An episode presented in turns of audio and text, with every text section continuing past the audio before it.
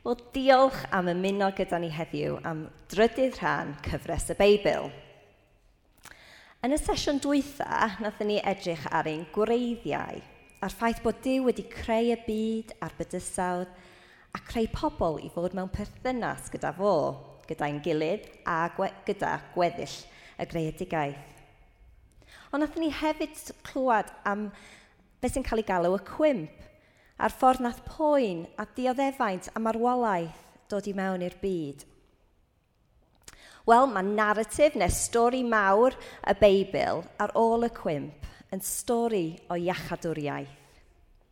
Stori am Dyw yn rhoi yn iawn beth oedd wedi mynd o'i le. Mae o'n stori am sut mae Dyw yn gweithio i adfer y perthnasau gath i dorri gan y cwimp ac i gweithio i adfer yr holl greadigaeth yn ôl i'r gogoniant a'r llawenydd oedd o wedi bwriadu o'r cychwyn. A da ni am edrych am ar rhan allweddol o'r stori yma heddiw, fe sy'n cael ei alw yr Exodus. Ond yn gyntaf, sgwn ni beth sy'n dod chi'ch feddwl chi pan da chi'n clywed y gair rhyddid. Da ni'n clywed sôn am gwahanol fathau o ryddid yn tydan. Mae yna wedi bod lot o sôn am ryddid gwleidyddol dros y flynyddoedd dwytha, o Brexit, i ysbryd William Wallace yn yr Alba, neu'r hiraeth am Owain Glyndŵr nesaf yma yng, yng Nghymru, mae'r syniadau am ryddid gwleidyddol yn parhau i fod ar feddwl pobl ac ar yr agenda wleidyddol. Mae yna hefyd wedi bod lot o sôn am ryddid pers personol dros y flynyddoedd dwytho yn ysgil y gwahanol cyfyngiadau a'r cyfnodau clo yn ystod y pandemig COVID-19. Mewn lot o ffyrdd, mae diwylliant ni yn heddiw yn deud wrthyn ni bod gwir rhyddid yn dod pan da ni'n rhydd i ddilyn ein calonau, cael dewis a cael gwneud beth bynnag da ni isio. Dyna di syniad rhyddid i llawer o bobl. Ond y gwir ydy, tydy rhyddid ddim yn cael ei ffindio mewn y maximum o ddewis a chyfleon. Os felly, fysa cymdeithas ni yn y gorllewin yn byw'r freuddwyd erbyn hyn, a reality ydy, tyda ni ddim. Da ni gallu cael y pethau mae i gyd, dewisiadau, cyfleon, a dal i teimlo'n gaeth ar y tu mewn. Da ni medru profi ffyrdd cynnil o cael ein geithiwo. gael ei trin mewn ffordd anheg unrhyw un arall, perthynas anodd, dyled, Ac yn ogystal â hyn, da ni'n medru profi dicter a chwant, eogrwydd, gorbryder neu arferion drwg. Y gwir ydy, mae dynol rhyw ar gwest i ffeindio rhyddid. Ond beth ydy gwir ystyr rhyddid? A sut da ni'n darganfod o? Wel, da ni am droi at hanes yr Exodus i drio ateb y cwestiynau yma. I osod yr olygfa i'r Exodus, da ni angen cychwyn gyda dyn o enw Abraham. Roedd Abraham yn byw yn y dwyrain canol tua 1800 o flynyddoedd cyn Christ. A mae Dyw yn galw Abraham a dweud wrtho i adael ei wlad a'i bobl a mynd i wlad newydd. Mae Dyw yn bendithio Abraham ac yn deud fydd o'n neud o'n genedl mawr. Ond hefyd mae Dyw yn dweud hyn – Dwi isio ti fod yn fendith i eraill, a bydd poblwydd y byd i gyd yn cael ei bendithio trwyddo ti. Yn yr addewid bwysig yma, mae Dyw yn egluro dyma'r ffordd mae am roi yn iawn be sydd wedi mynd o'i le yn y byd. Roedd Dyw yn dewis Abraham a'i deulu i fod yn bobl arbennig, i dod â gobaith yn ôl i'r byd. Yn wirthiol yn ei henaint, mae Abraham a'i wraig Sara yn cael mab, Isaac. Mae Isaac yn cael efeilliaid, Jacob a Esau. Ac mae Jacob yn cael deuddag mab, ac ohonyn nhw mae'r deuddag llwyth o Israel yn cael ei ffurfio, cenedl mawr. Ond maen nhw'n deulu digon dysfunctional. Mae Joseph, ffefryn Jacob o'i feibion i gyd, yr un sydd yn enwog am ei got liwgar – Mae o'n cael ei gwerthu yn gaeth was gan ei frodydd a cael ei cymryd i'r aifft. Degawd a wedyn, mae'r teulu yn symud i'r aifft i gael ei ailgymodi gyda Joseph. Ond cyn hir, mae'r eithdiaid yn troi'n ei erbyn ac yn gwneud pobl Israel yn gaethweision. 400 mlynedd yn ddiwedd arall, dyma'r sefyllfa sy'n wynebu pobl Israel. A dyna pan bod angen. Exodus. So, da ni am edrych am hanes yr, ar hanes yr Exodus o dan chwech pwynt. Pwynt gyntaf, mae Dyw yn ochri gyda rhai sydd wedi gormesu. Mae pobl Dyw yn gaethweision o dan ffaro cas oedd yn trin nhw mewn ffordd ofnadwy o anghyfiawn a chreulon. A mae'r pobl yma yn galw allan yn ei boen. Mae Exodus 2, 24 i 25 dweud, clywodd Dyw nhw'n gryddfan, ac roedd yn cofio ei ymrwymiad i Abraham, Isaac a Jacob. Gwelodd Dyw pobl Israel ac roedd yn teimlo i'r byw dros nhw. Mae Dyw yn clywed ei cri. Mae Dyw yn gweld ei poen. Mae o'n teimlo i'r byw dros nhw. Mae hyn yn dangos bod Dyw yn ofalgar, mae o'n dosturiol, mae o'n gofalu am y gorff rymedig. A mae hwn yn allweddol heddiw am dau reswm. Un, mae o'n newyddion da i ni. Mae Dyw yn gweld ein sefyllfa ni hefyd. Mae o'n gweld ein angen. Mae o'n clywed ein cri.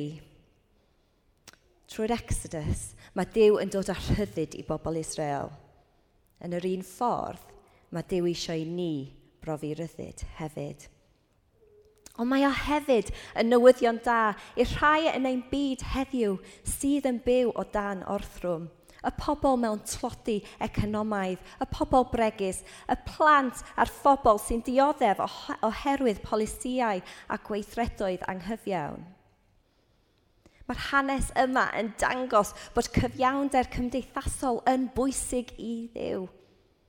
Mae o'n ochri gyda rhai sydd wedi gormesu. Ac wrth gwrs mae'r hanes yma wedi ysbrydoli llawer o mudiadau ac ymgyrchoedd sydd wedi brwydro yn erbyn anghyfiawnder, yn cynnwys William Wilberforce a'r frwydr i ddod â chaethwasiaeth i ben yn y bedwaredd ganrif ar, ddeg, ar bymtheg. Ond mae yna dal lot anghyfiawnder yn ein byd heddiw.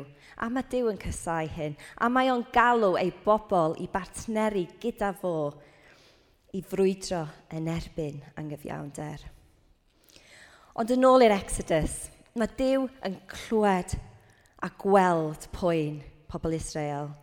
Ac i ymateb i'r sefyllfa yma, mae Dyw yn dewis gweithredu trwy dyn o'r enw Moses – sy'n dod â ni i'r ail pwynt, mae'r Exodus yn gychwyn gyda cyfarfyddiad neu encounter.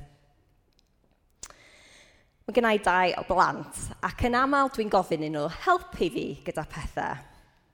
I fod yn deg, erbyn hyn maen nhw digon hun i actually bod yn help os maen nhw yn y mood iawn. Ond pan oedden nhw'n fach, os dwi'n onest, o'n i'n gofyn iddyn nhw helpu, ond Fysa probably'n haws i fi wneud y pethau um, ar ben fy hun lot o'r amser. Ond just fel mae rhiant yn gofyn i plentyn, helpu nhw.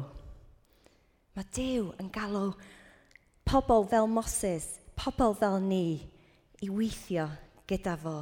Dydy o'm angen, ond mae o isio. Roedd Moses un o bobl Israel, fel babi, nath ei fam roi o mewn basgiad i, i arnofio ar yr afon Nil er mwyn amddiffyn o rhag gael ei ladd gan pharo. Mae merch pharo yn ffindio'r babi bach ma, cymryd piti drosto fo, mabwysiadu fo, ac magio yng nghyfoeth y palas fel eithdiwr. Ond camwch blaen 40 mlynedd, a mae Moses yn cuddio yn yr anialwch. Roedd rhaid iddo fo ffoi yr aifft, ar ôl gwylltio a lladd eithdiwr oedd o wedi gweld yn curo gaethwas Hebreag.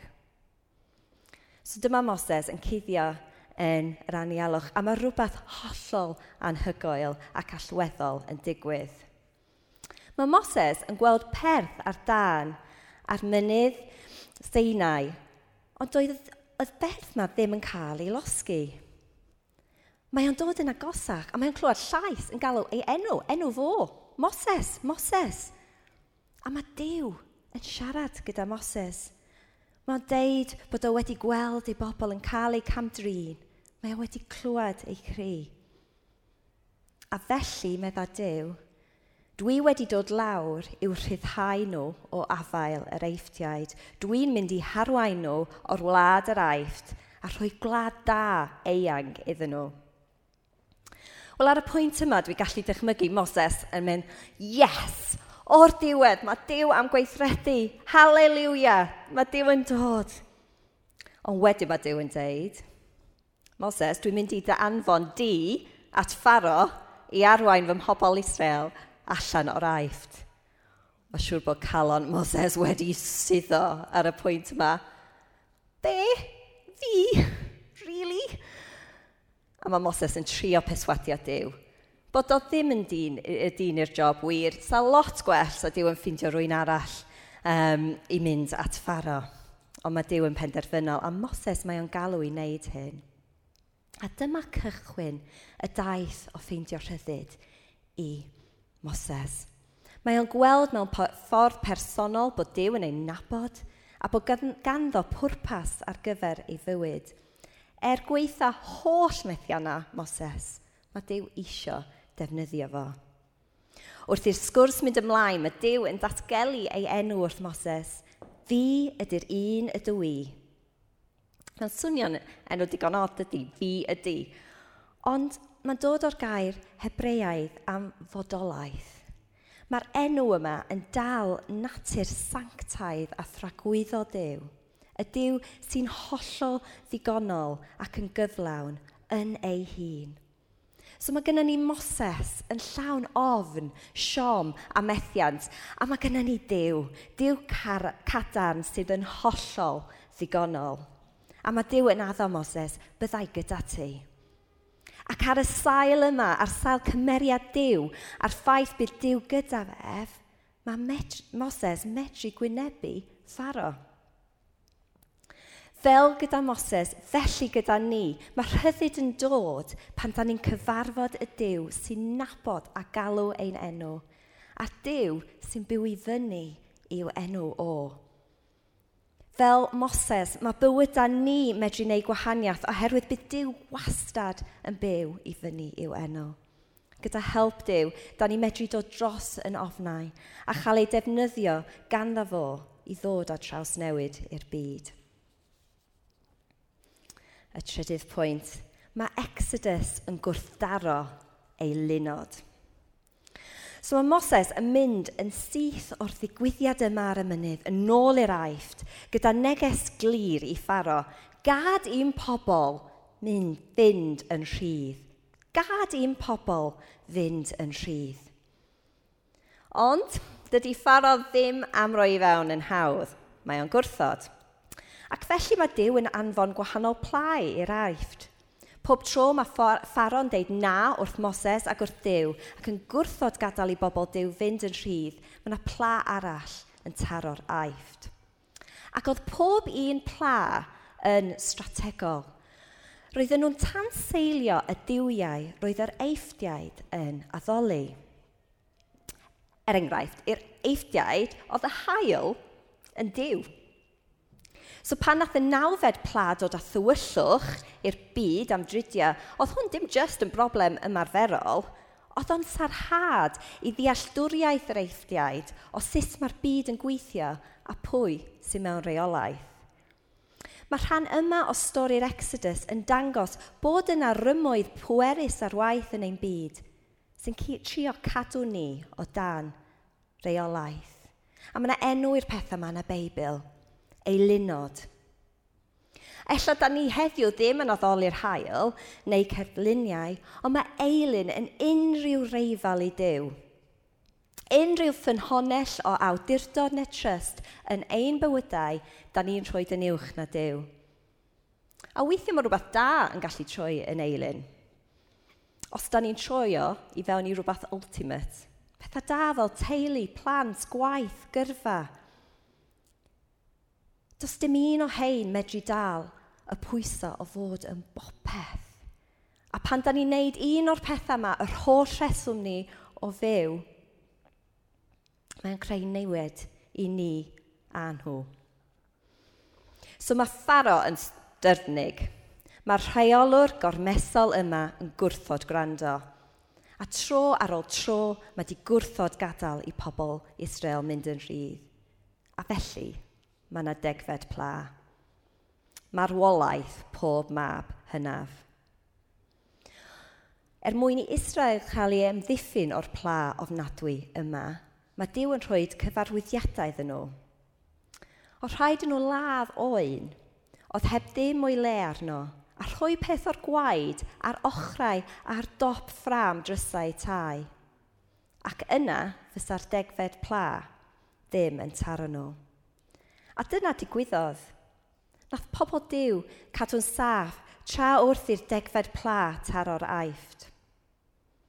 Enw'r digwyddiad gwirthiol yma oedd y Pasg, neu'n Saesneg Passover. A dyma'r a digwyddiad yma'n dal i gael ei gofio a ddathlu gan um, iddewon pob blwyddyn. Yn y diwedd, ar ôl y degfed pla, mae Pharo yn rhoi mewn. Mae'r pobl Israel yn cael gadael yr aifft. Ond y fian, maen nhw'n ffeindio eu hunain wedi trapio eto gyda'r môr coch o'i flaen nhw a'r byddin yr eithdiaid tu ôl iddyn nhw. Oedd Pharaw wedi newid ei feddwl.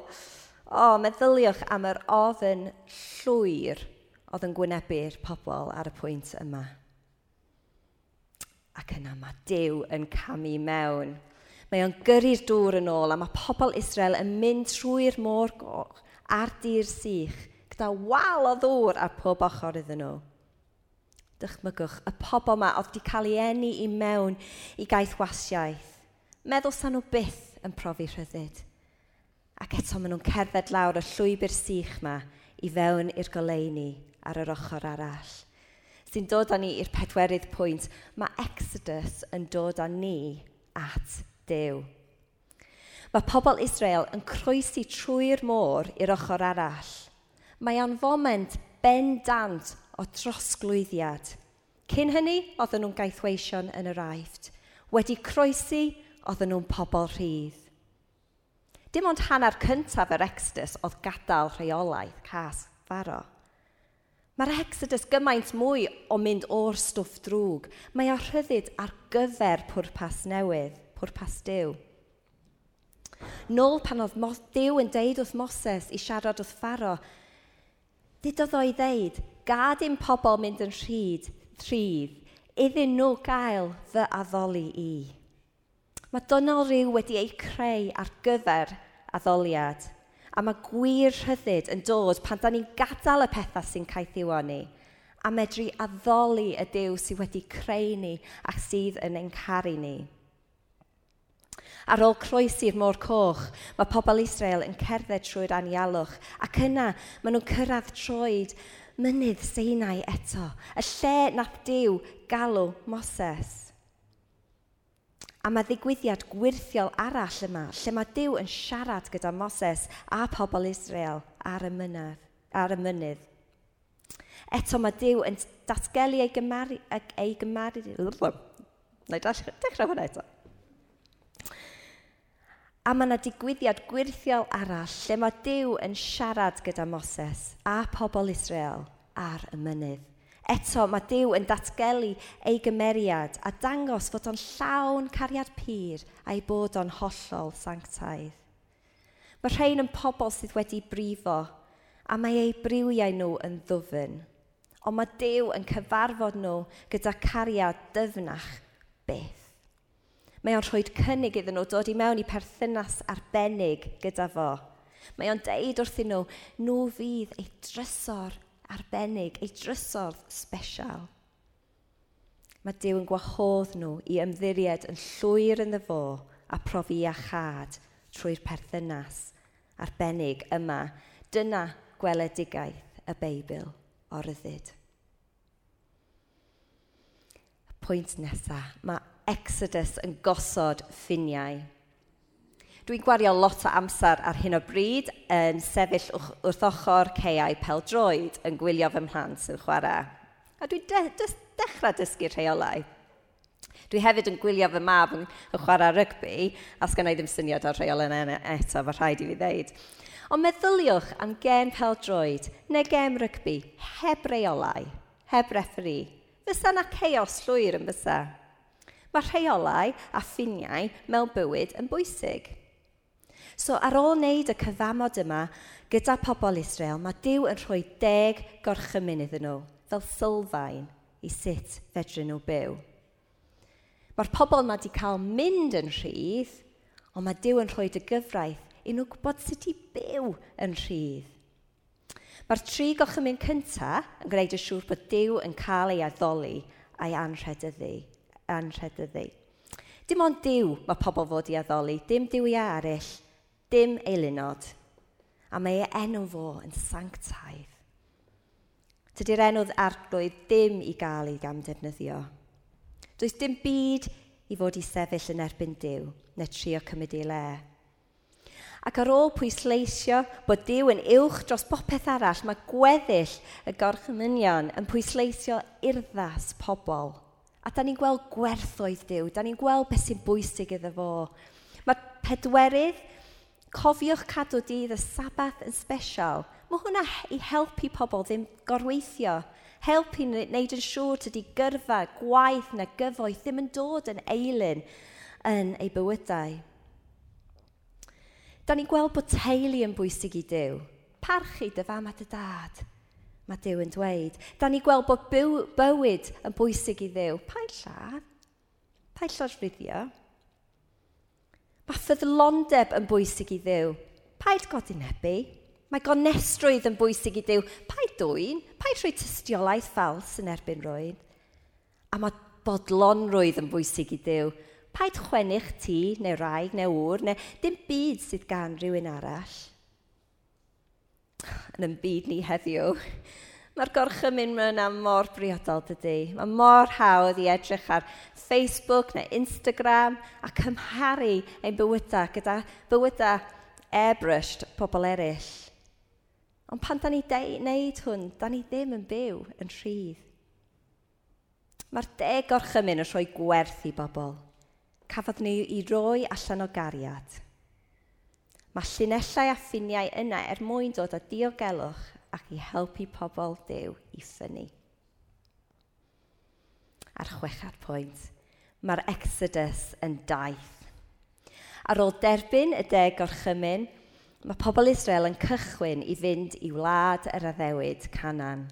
Ond nath o gymryd dros 40 mlynedd i bobl Israel mynd i mewn i'r wlad. Yn yr amser yma mae Dyw yn cynnal nhw ac yn arwain nhw Mae yna ddarpariaeth dyddiol o fwyd o'r nefoedd, mana, a mae Dyw yn darparu dŵr glân ar gyfer iddyn nhw yfed. Mae o'n arwain y ffordd iddyn nhw mewn colofn o niwl yn ystod y dydd a cholofn o dan yn y nos. Mae Dyw yn darparu.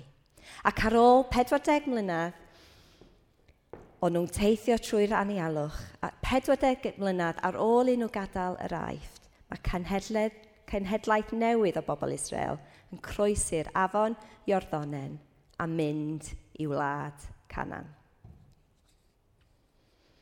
Ond be amdana ni? Mae'r Exodus yn stori hanesyddol, ond mae o gymaint, gymaint mwy na hyn. Mae'r Exodus yn gallu dod yn rhan o stori ni hefyd. Ella da ni ddim o dan pharo llythrenol, ond da ni gyd gyda ein aifft. Sefyllfeodd anodd, cycles negyddol sy'n gadael ni teimlo'n gaeth. Neu fel o'n i'n sôn gyna, er nad ydym mewn cadwyn i llythrenol, fedrwn ni deimlo ein trapio gan gorbryder, eogrwydd, dicder, anghyfiawnder. Mae Dyw isio camu mewn i bob sefyllfa o poen ac aeth, ac i ddod a rhyddid. Mae'r testament newydd yn cyflwyno Iesu fel yr Exodus newydd i'r byd i gyd. Da chi'n cofio a ddewyd Dewi Abraham fysa pobloedd y byd yn cael ei bendithio drwy ei deulu. Mae Iesu, un o ddisgynyddion Abraham, y cyflawniad ultimate o'r addewyd yma. Fel nath Dyw anfon, anfon Moses i'r aifft i arwain pobl allan o'r gaeth wasiaeth, Nath Dyw anfon Iesu i'r byd, i ddod ar Exodus, i ddod ar rhyddid i'r byd i gyd. Da chi'n cofio'r degfed pla a'r pasg neu Passover cyntaf. Yn yr un ffordd cafodd oen y pasg i ei berthu i achub Israel. Cafodd Iesu Grist ei ladd ar groes rufeinig. Yn yr un ffordd collodd pharo ei afal ar pobl Israel, curodd Iesu, curodd Iesu ein gylunion penna ni ar y groes, pechod, drygioni, marwolaeth. Iesu Grist ydy'r ffordd i wir rhyddid. Mae Colosiaid 1, 13, 14 deud, Mae Dyw wedi'n achub ni o'r tywyllwch oedd yn ein gormesu ni, ac wedi dod â ni dan deyrnasiad y mab mae e'n garu, ei fab sydd wedi gollwng ni'n rhydd. Mae Iesu yn cynnig cyfarfyddiad i bob un person. A pan da ni'n cyfarfod Iesu, a pan da ni'n trystio ei waith ar groes, da ni'n cael ei arwain allan o'r tywyllwch, da ni'n croesi i'r ochr arall, a da ni'n dod yn bobl newydd. A fel pobl Israel, da ni'n mynd jyst yn cael ei achub o'r pethau drwg, da ni'n cael ein achub ar gyfer bywyd newydd o ryddid. Fel pobl Israel, byddwn un diwrnod yn cael ein arwain i wlad yr addewyd. Yr amser pan mae'r holl greadigaeth yn cael ei adfer yn llwyr. Ond tan hynny, fel nath Dyw ddarparu ar gyfer pobl Israel yn yr anialwch. Mae Dyw yn addo rhoi darpariaeth ac arweiniad i ni wrth i ni, i, wrth i ni deithio trwy bywyd. Dydy o ddim yn, yn gaddo bywyd hawdd. Rhwng yr aifft a gwlad yr addewid byddwn yn gwynebu heriau, mi fydd na eilunod sydd yn trio cael ein sylw, sydd yn cystadlu am ein addoliad. Mi fydd pethau anodd yn digwydd, ond mae Dyw yn addo i fod hefo ni. Mae e'n addo i byw i fyny i'w enw fo. Mae o addo darparu ac arwain ni. A mae o'n rhoi rhyddid i ni. Da ni'n ffeindio gwir rhyddid pan da ni'n rhydd i fod y person mae Dyw wedi'n creu ni i fod. Pan da ni'n ffeindio ein pwrpas greiddiol, i, mod, i fod mewn perthynas gyda Dyw, i nabod o, i addoli fo, ac i adlewyrchu cariad, prydferthwch a chyfiawnder Dyw i'r byd. Dyna yw gwir rhyddid. Dim ond Iesu fedrith cynnig gwir rhyddid. A mae'r cynnig yna ar gael i bawb. A dwi'n cloi gyda geiriau Iesu ei hun. Os ydy'r mab yn eich rhyddhau chi, byddwch yn rhydd go iawn. Gad i ni weddio.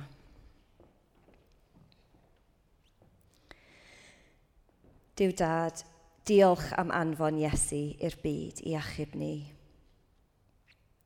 Diolch bod Iesu wedi marw ar y groes er mwyn i ni gael rhyddid. Diolch am ddod â ni allan o'r tywyllwch i fod dan deyrnasiad Iesu. Diolch am dy darpariaeth ac arweiniaeth i ni wrth i ni deithio drwy fywyd. Diolch Iesu am ennill rhyddid i ni. Amen.